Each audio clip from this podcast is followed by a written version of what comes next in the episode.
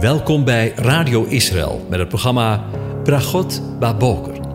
Een kort ochtendprogramma waarin een gedeelte uit de Bijbel wordt gelezen en besproken.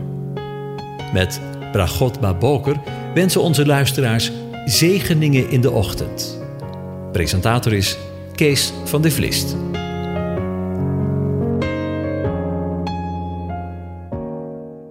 Goedemorgen luisteraars. Vanmorgen gaan we weer verder met Psalm 8. Ik lees het aan je voor. De majesteit van de Heere. Een psalm van David voor de koorleider. Op de Gittit.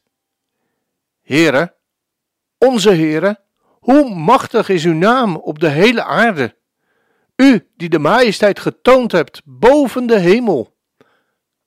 Uit de mond van de kinderen en de zuigelingen hebt u een sterk fundament gelegd omwille van uw tegenstanders, om de vijand en wraakzuchtige te laten ophouden. Als ik uw hemel zie en het werk van uw vingers, de maan en de sterren die u hun plaats gegeven hebt, wat is dan de sterveling dat u naar hem denkt? En de mensenzoon dat u naar hem omziet? Toch hebt u hem een weinig minder gemaakt dan de engelen, en hem met eer en e-, glorie gekroond. U doet hem heersen over de werken van uw handen. U hebt alles onder zijn voeten gelegd. Schapen en runderen en die allemaal, en ook de dieren van het veld, de vogels in de lucht en de vissen in de zee, en al wat over de paden van de zee gaat. Heere, onze Heere, hoe machtig is uw naam op de hele aarde. Over de toekomst gesproken. De volgende keer hebben we stilgestaan bij de mensenzoon, waarvan we zowel in deze psalm, maar ook in het Tweede Testament lezen. En we denken nog even terug aan de woorden van Genesis 1, vers 26 tot en met 28. Het was Gods verlangen om de mens te maken naar zijn beeld en gelijkenis, met de bedoeling om over de aarde te heersen. Daartoe schiep God de mens, namelijk Adam. De eerste mens is echter een voorbeeld, en in het Grieks staat hier van type, en van mij mag je ook prototype zeggen, van de komende. Zo lezen we in Romeinen 5, vers 14, van de tweede mens, namelijk Christus. In hem en door hem wordt Gods plan met deze wereld volledig vervuld. Daar kan en er zal helemaal niets tussenkomen. God gaat zijn weg met deze wereld. De eerste mens, Adam, kreeg drie opdrachten van God, lezen we in Genesis 1, vers 28. 1. Wees vruchtbaar. 2. Vervult de aarde. En 3. Onderwerpt haar en heers over haar. In de praktijk is gebleken, en blijkt ook nu nog, dat de mens niet in staat is om deze opdracht volledig te vervullen. Het is niet moeilijk te zien dat Adam, de eerste mens, een type of een schaduwbeeld was van Christus. Hij is de laatste Adam en de tweede mens. Vaders bedoeling met de mens, zoals aangegeven in Genesis 1, vers 28 tot 30, wordt in de Messias, de opgestane en verhoogde zoon des mensen en zoon van de Vader, volkomen volmaakt vervuld. Laten we eens nadenken over de opdracht die Adam kreeg. Wees vruchtbaar. Christus, de gezalfde, de Messias, is vruchtbaar. Weliswaar op een wat andere manier dan waaraan in Genesis 1 gedacht wordt, maar toch. De man in Psalm 1 is in profetisch perspectief gezien de mens. Hij is de mens die volkomen wandelde in overeenstemming met de wil van God. Dat is ook wat Jesaja 11, vers 1 zegt. Want er zal een twijgje opgroeien uit de afgehouwen tronk van Isaïe, en een lood uit zijn wortels zal vrucht voortbrengen. Dit twijgje en deze lood is niemand anders dan de Messias. Natuurlijk kun je zeggen, het is David. Maar wie is de erfgenaam van David? Oftewel, de zoon van David? De Heere Jezus, Zo lezen we in Lucas 1, vers 32 en 33. Bovendien blijkt hij uit de beschrijving die volgt in Jesaja 11 dat er wel degelijk een profetie is over de toekomst van Messias koning. De tweede opdracht die Adam ontving, wordt talrijk. Als van Adam gezegd wordt dat hij een komeling heeft gekregen, staat dat wel voor iedereen vast. Maar minder bekend is misschien dat het van de zoon van Adam eveneens gezegd wordt. Alleen dan natuurlijk weer op een andere manier. Jesaja, de profeet, zegt bijvoorbeeld in hoofdstuk 53: Als zijn ziel zich tot een schuldoffer gesteld zal hebben, dan zal hij nageslacht zien. Hij zal de dagen verlengen. Het welbehagen van de Heere zal door zijn hand voorspoedig zijn. Wie dit nageslacht is, wordt verklaard in vers 11. Het gaat om hen, die hij rechtvaardig maken zal. Het zijn dus gelovigen, met name uit Israël. In Psalm 22 spreekt de Messias door de mond van David en zegt: Ik zal uw naam aan mijn broeders verkondigen. In het midden van de gemeente zal ik u lof zingen. En in Habakkuk 2 lezen we de indrukwekkende woorden: Want de aarde zal vol worden met de kennis van de heerlijkheid van de Heere, zoals het water de bodem van de zee bedekt. En wat ligt er nog een geweldige belofte voor zijn volk Israël klaar en op de plank, wanneer we de profeet Jezaja horen zeggen.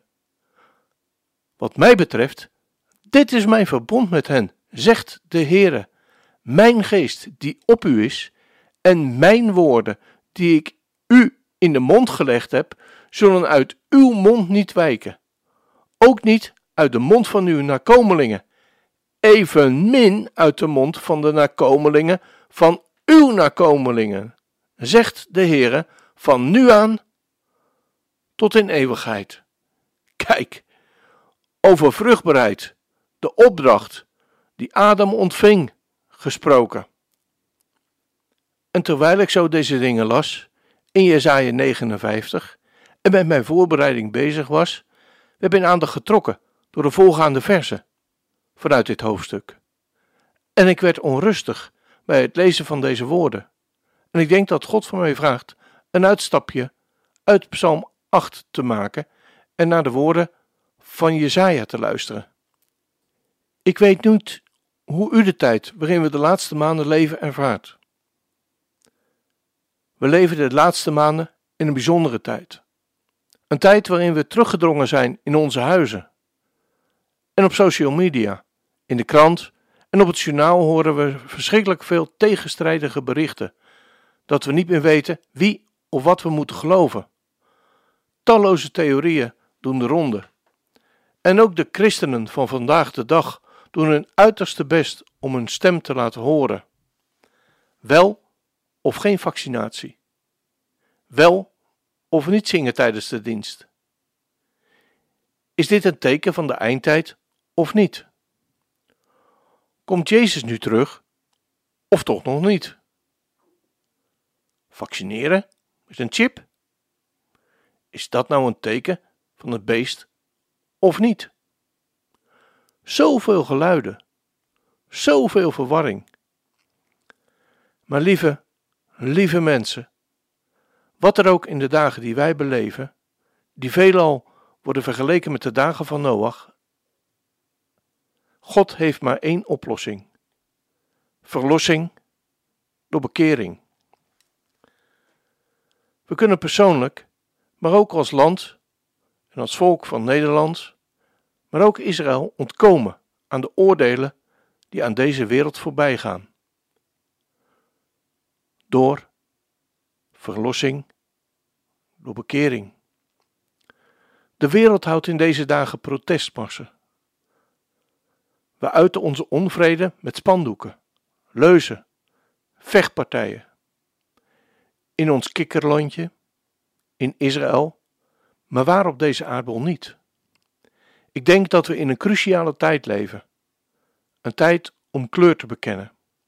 Een tijd waarin maar één mogelijkheid om te ontkomen aan de oordelen die God over deze wereld aangekondigd heeft, voorhanden heeft. Verlossing door bekering. Persoonlijk, als gemeente, als land en een volk van Nederland, maar ook voor deze wereld. Door de Heere God werd ik bepaald bij Jesaja 59, die hoogst actueel blijkt te zijn. Het lijkt te spreken over de dagen waarin wij leven. Zullen we Jesaja 59 eens lezen? Zie, de hand van de Heere is niet te kort dat hij niet zou kunnen verlossen, en zijn oor is niet toegestopt dat het niet zou kunnen horen. Maar uw ongerechtigheden maken scheiding tussen u en uw God. Uw zonden doen zijn aangezicht voor u verborgen zijn, zodat hij u niet hoort. Want uw handen zijn met bloed besmet en uw vingers met ongerechtigheid. Uw lippen spreken leugen, uw tong brengt onrecht tot uiting. Er is niemand die bijeenroept in gerechtigheid. Er is niemand die in trouw een rechtszaak voert.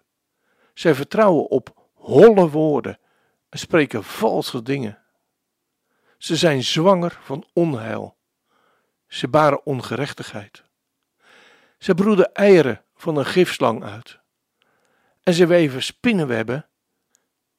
Wie van hun eieren eet, sterft. Is er een kapot gedrukt, dan perst er zich een adder uit. Hun webben zijn niet geschikt voor kleding. En ze zullen zich niet kunnen bedekken met hun maaksels. Hun maaksels zijn maaksels van ongerechtigheid. Gewelddadig werk is in hun hand.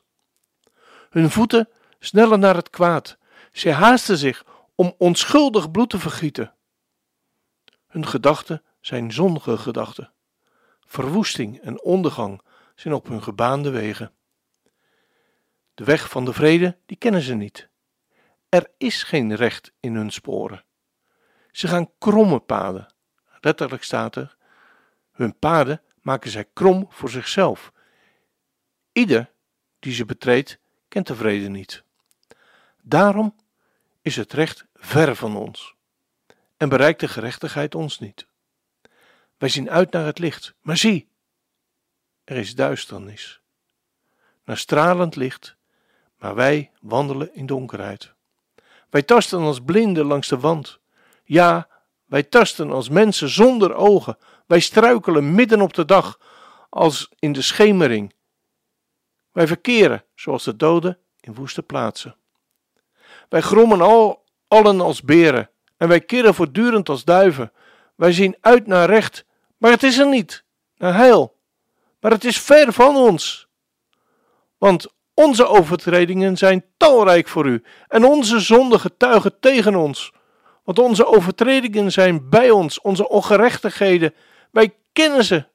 Het overtreden en het liegen tegen de Heere en het zich afkeren van de Heere onze God vandaan, het spreken van onderdrukking en afvalligheid, het zwanger zijn en melding maken van leugenachtige woorden vanuit het hart. Daarom is het recht teruggeweken en de ongerechtigheid blijft van verre staan. Want, het want de waarheid struikelt op de straat en wat recht is, kan niet binnenkomen. Ja, de waarheid breekt. En wie zich afkeert van het kwade, die wordt beroofd. En de Heere zag het.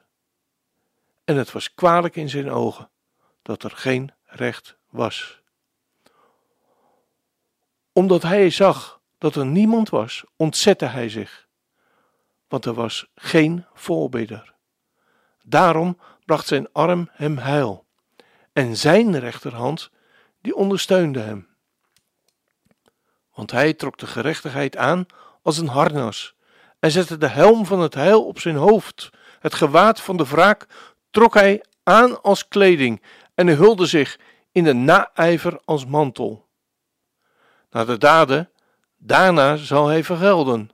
Grimmigheid aan zijn tegenstanders, vergelding aan zijn vijanden, Aan de kustlanden zal hij vergelden wat zij verdienen. Dan zullen zij de naam van de Heere vrezen, van waar de zon ondergaat, en zijn heerlijkheid van waar de zon opkomt. Als de vijand zal omkomen als een rivier, zal de geest van de Heere de banier tegen hem oprichten. En naar Sion zal een verlosser komen. Wie zich in Jacob van overtreding bekeren, spreekt de Heere. En wat mij betreft, dit is mijn verbond met hen, zegt de Heere. Mijn geest die op u is en mijn woorden die ik in uw mond gelegd heb, zullen uit uw mond niet wijken, ook niet uit de mond van uw nakomelingen, evenmin uit de mond van de nakomelingen van uw nakomelingen, zegt de Heere, van nu aan tot in eeuwigheid. Tot zover. Lieve, lieve mensen, ik denk dat God voor jou en mij vanmorgen boodschap heeft. Verlossing door bekering. We staan er als Nederland slecht op. Al het onrecht waarover Jesaja, zoals we zojuist gelezen hebben, spreekt, kan één op één betrokken worden op, eens, op ons eens zo christelijke Nederland. En er is maar één oplossing: verlossing door bekering. Persoonlijk en als land en als wereld. Maar dan de diep tragische constatering in vers 16. Omdat hij zag dat er niemand was, ontzette hij zich, want er was geen voorbidder. Zullen we het eens in de tegenwoordige tijd zetten? Omdat hij ziet dat er niemand is, ontzet hij zich. Want er is geen voorbidder. Lieve, lieve mensen, laten we de handen vouwen en de knieën buigen en Hem bidden en smeken ons om te keren, te bekeren, zodat wij, Nederland, Israël en alle volken van de wereld verlost worden. Nu is het de tijd. De Amerikaanse voorganger, Jonathan Kaan, heeft recent een oproep doen uitgaan tot de wereldwijde verontmoediging en terugkeer naar God. De dag is gepland op zaterdag 26 september 2020. Ik citeer Jonathan Kaan. We staan op een cruciaal moment in de wereldgeschiedenis. Een tweesprong die permanente koers van de wereld ten goede of ten kwade kan bepalen, naar rampspoed of verlossing. We zien nu wat de wereld voorspelt: de grote afval, de grote afvalligheid, het wegkeren van God, God buiten alles plaatsen, het promoten van seksuele immoraliteit, het doden van miljoenen ongeboren baby's, een opkomende cultuur van duisternis en goddeloosheid. We zien naties die God kenden, maar zich nu tegen Hem en tegen Zijn wegen keren. We weten dat er een afval komt, maar de Bijbel verzegt ook dat God Zijn geest zal uitstorten op alle vlees. Opwekking is mogelijk, maar opwekking kan alleen maar komen door verootmoediging. God zegt: Als mijn volk, dat mij toebehoort, het hoofd buigt al biddend mijn aanwezigheid zoekt en terugkeert van zijn dwaalwegen, dan zal ik het aanhoren vanuit de hemel, zijn zonde vergeven. Ik zal hun gebeden verhoren en hun land genezen. Zo lezen we in 2 Kronieken 7, vers 14. In het kader van dit programma moet ik het helaas hierbij houden. Het is voor mij een bijzondere uitzending geworden waarbij ik denk dat God in de voorbereiding ingegrepen heeft door deze boodschap u en mij indringend onder de aandacht te brengen. Eraan voorbij gaan was en is geen optie. Als God spreekt, zwijgt de mens. Mocht u meer willen weten van de boodschap van Jonathan Kaan en hoe dit in Nederland wordt opgepakt, dan verwijs ik u naar onze website www.radioisrael.nl. Naar aanleiding van de boodschap van de Heere God deze ochtend hebben we onder het kopje Meer een nieuwe pagina gemaakt met de titel Dag van Omkeer. Daar hebben we inmiddels informatie op geplaatst. En ik denk dat God van ons als Radio Israël vraagt om daar in de komende tijd meer aandacht aan te schenken. Dan als laatste nog dit. Dan wil ik met je delen wat God mij kort na de voorgaande inleiding liet zien. Mijn vrouw Anja en ik lezen elke ochtend uit een dagboekje van Corrie ten Boom. En aan de beurt was een stukje naar aanleiding van Lucas 18. Ik lees het aan je voor. En hij sprak ook een gelijkenis tot hen, die met het oog daarop dat men altijd moet bidden en niet de moed verliezen. Hij zei: Er was in een zekere stad een rechter die God niet vreesde en geen mens ontzag. En er was een weduwe in dezelfde stad en ze kwam voortdurend naar hem toe en zei: Doe mij recht tegenover mijn tegenpartij. En hij wilde een tijd lang niet horen. Daarna Echter, zei hij bij zichzelf, hoewel ik God niet vrees en geen mens ontzie, toch zal ik, omdat deze weduwe mij lastig valt, haar recht doen, opdat zij uiteindelijk niet komt en mij in het gezicht slaat. En de Heere zei, hoor wat de onrechtvaardige rechter zegt. Zal God dan geen recht doen aan zijn uitverkorenen, die dag en nacht tot hem roepen, ook wanneer hij lang wacht om hen te hulp te komen? Ik zeg je dat hij hun met spoed zal recht doen. Maar zal de zoon des mensen, als hij komt, wel het geloof vinden op aarde? Nog een keer. En de Heere zei: Hoor wat de onrechtvaardige rechter zegt. Zal God dan geen recht doen aan zijn uitverkorenen die dag en nacht tot hem roepen, ook wanneer hij lang wacht om hen te hulp te komen, ik zeg u dat hij hun met spoed recht zal doen. Geloof je dat? Of zal het zo zijn, zoals we in het vervolg van dit gedeelte luidt, maar de zoon des mensen, als hij komt, zal hij wel het geloof op aarde vinden? Kom, Laten we onze handen vouwen voor dit land, voor deze wereld. En Hem vragen om ons te bekeren van de weg die wij gegaan zijn. We gaan luisteren naar een lied en wensen u Gods zegen.